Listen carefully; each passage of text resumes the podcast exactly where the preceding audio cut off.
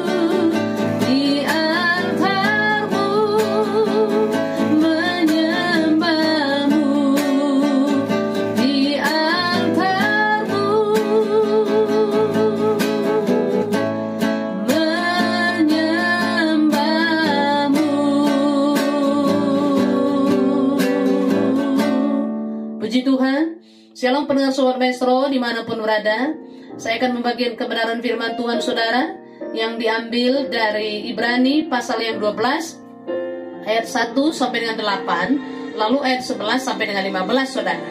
Ibrani pasal 12 ini saudaraku adalah dilatar belakangi dengan dari pasal 11 dilatar belakangi da- dari pasal 11 saudara. Kata saksi di ayat pertama itu merujuk kepada orang-orang yang ditulis dalam pasal 11 berkaitan dengan iman. Kesetiaan mereka dalam menghadapi pencobaan atau ujian dalam kehidupan mereka pada saat itu saudaraku semuanya. Sebagai contohnya adalah Abraham saudara. Abraham memiliki iman sekalipun janji Tuhan belum tergenapi dalam hidupnya ketika ketika Tuhan berjanji bahwa dia akan mendapatkan keturunan yaitu Ishak.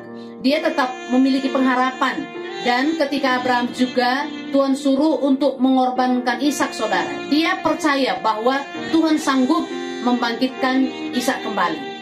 Jadi Bapak Saudaraku semuanya, Poin pertama dari Ibrani pasal yang ke-12 ini saudara bicara tentang kedewasaan. Tema yang saya bagikan adalah kesabaran saudaraku semuanya. Poin yang pertama saya bagikan adalah kesabaran saudara. Ayat 1 sampai dengan 4 berkata begini. Karena kita mempunyai banyak saksi bagaikan awan yang melilit kita, marilah kita menanggalkan semua beban dan dosa yang begitu merintangi kita dan berlomba dengan tekun dalam perlombaan yang diwajibkan bagi kita. Marilah kita melakukannya dengan mata yang tertuju kepada Yesus yang memimpin kita dalam iman, yang membawa kita it- iman yang membawa iman kita itu kepada kesempurnaan, yang dengan mengabaikan kehinaan, tekun memikul salib ganti sukacita yang disediakan bagi Dia yang sekarang duduk di sebelah kanan tata Allah. Ingatlah selalu akan Dia yang tekun menanggung kebantahan yang sehebat itu terhadap dirinya dari pihak orang-orang berdosa, supaya jangan kamu menjadi lemah dan putus asa. Dalam pergumulan kamu melawan dosa, kamu belum sampai mencucurkan darah. Jadi Bapak Saudara, kita harus sabar Saudara. Kita harus sabar karena perlombaan yang diwa- diwajibkan bagi kita itu satu dengan lain sangat berbeda. Tapi Alkitab berkata bahwa dalam perlombaan itu kita tidak kita belum mencucurkan darah. Karena dalam perlombaan pasti ada eh, dosa yang harus kita tanggalkan, beban yang harus kita kita tanggalkan, saudara.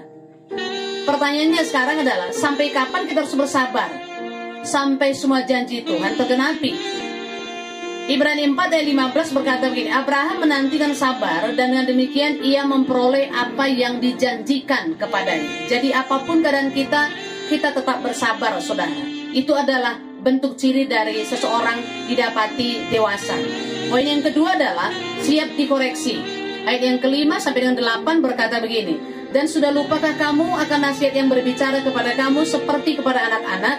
Hai anakku, janganlah en- anggap enteng didikan Tuhan, dan janganlah putus asa apabila engkau diperingatkannya. Karena Tuhan menghajar orang dikasihinya, dan ia menyesal orang diakuinya sebagai anak. Jika kamu harus menanggung ganjaran, Allah memperlakukan kamu seperti anak. Di manakah anak? Di manakah terdapat anak yang tidak dihajar oleh ayahnya? Tetapi jika jikalau kamu bebas dari ganjaran yang harus diderita setiap orang, maka kamu bukanlah anak tetapi anak-anak gampang. Makanya poin kedua yang saya bagikan adalah siap dikoreksi. Kenapa saudara? Karena kita bukanlah anak-anak gampangan. Kita adalah anak yang memiliki Bapa di sorga. Jadi segala sesuatu yang terjadi dalam hidup kita yang bertentangan dengan kebenaran firman Tuhan, kita pasti dikoreksi dengan kebenaran firman Tuhan juga saudara. Pertanyaannya adalah, apakah beda koreksi dan kritik? Kalau koreksi saudara itu memberikan solusi, artinya sudah pernah melewati musim itu atau situasi tersebut. Sementara kritik tidak ada solusi. Tujuan dikoreksi saudaraku adalah supaya disiplin, yang kedua pantang menyerah, yang ketiga, fokus kepada tujuan. Yang keempat, bertanggung jawab. Dalam Roma 12 ayat 2 berkata begini. Janganlah kamu menjadi serupa dengan dunia ini, tetapi berubahlah oleh pembaruan budimu, sehingga kamu dapat membedakan manakah kehendak Allah, apa yang baik, yang berkenan kepada Allah, dan yang sempurna. Makanya saudara, kita menjadi pribadi yang siap dikoreksi. Itu adalah ciri-ciri seseorang memiliki kedewasaan ketika kita mendapatkan sebuah koreksi, tidak perlu marah, tapi bersyukur atas koreksi itu, karena ketika kita dikoreksi, maka kita akan semakin uh, bijak dalam menghadapi kehidupan saudara. Beberapa hari yang lalu saya uh, mengikuti atau saya ada seminar proposal disertasi saudaraku semuanya. Pada saat itu saya dikoreksi oleh dosen penguji.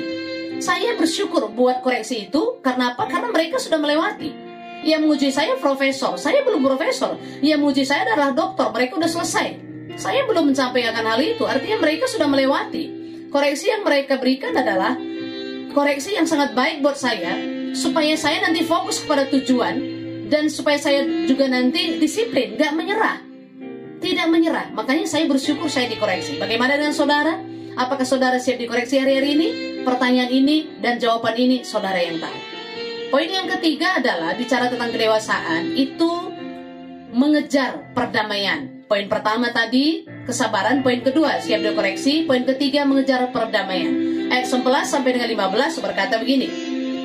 Memang tiap-tiap ganjaran pada waktu ia diberikan tidak mendatangkan sukacita tetapi duka cita. Tetapi kemudian ia menghasilkan buah kebenaran yang memberikan damai kepada mereka yang dilatih olehnya.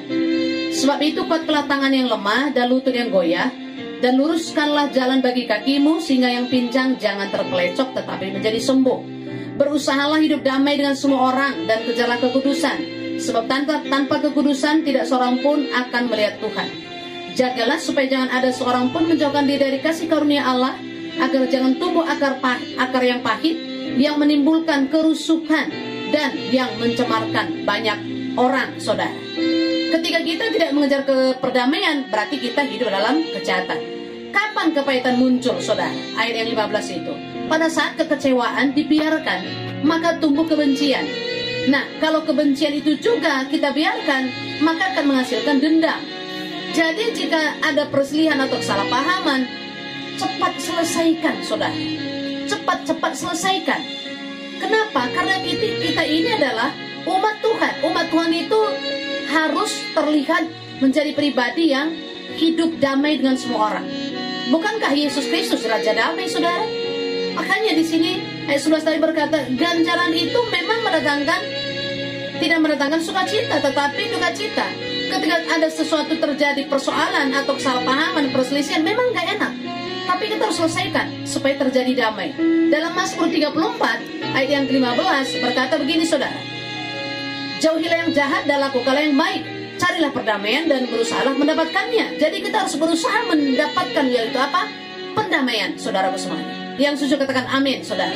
Sebagai kesimpulan bagi saudara, kesabaran siap dikoreksi serta mengejar perdamaian akan menghasilkan kedewasaan, kedewasaan atau kematangan dalam cara berpikir sama seperti Kristus berpikir. Amin. Kita berdoa. Bapa dalam surga terima kasih buat kebenaran firman-Mu. Engkau mengingatkan setiap kami supaya kami menjadi pribadi yang dewasa. Kami bersyukur Tuhan Yesus, kami berterima kasih kepadamu. Biar kami juga Tuhan didapati menjadi pribadi yang sabar sebab itulah ciri-ciri orang dewasa. siap dikoreksi dan mengejar perdamaian. Kami bersyukur kepadamu, materaikan firmanmu dalam perenungan kami, berkati Sobat Maestro di mana pun mereka berada. Bagimu segala kemuliaan, demi nama Yesus kami berdoa dan mengucap syukur. Sama-sama kita katakan, Amin. Tuhan Yesus memberkati. Shalom, saudaraku semuanya. Sobat Maestro, Anda baru saja mendengarkan renungan firman Tuhan bersama Ibu Evangelis Sayang Tarigan MTH. Terima kasih atas perhatian dan kebersamaan Anda. Tuhan Yesus memberkati.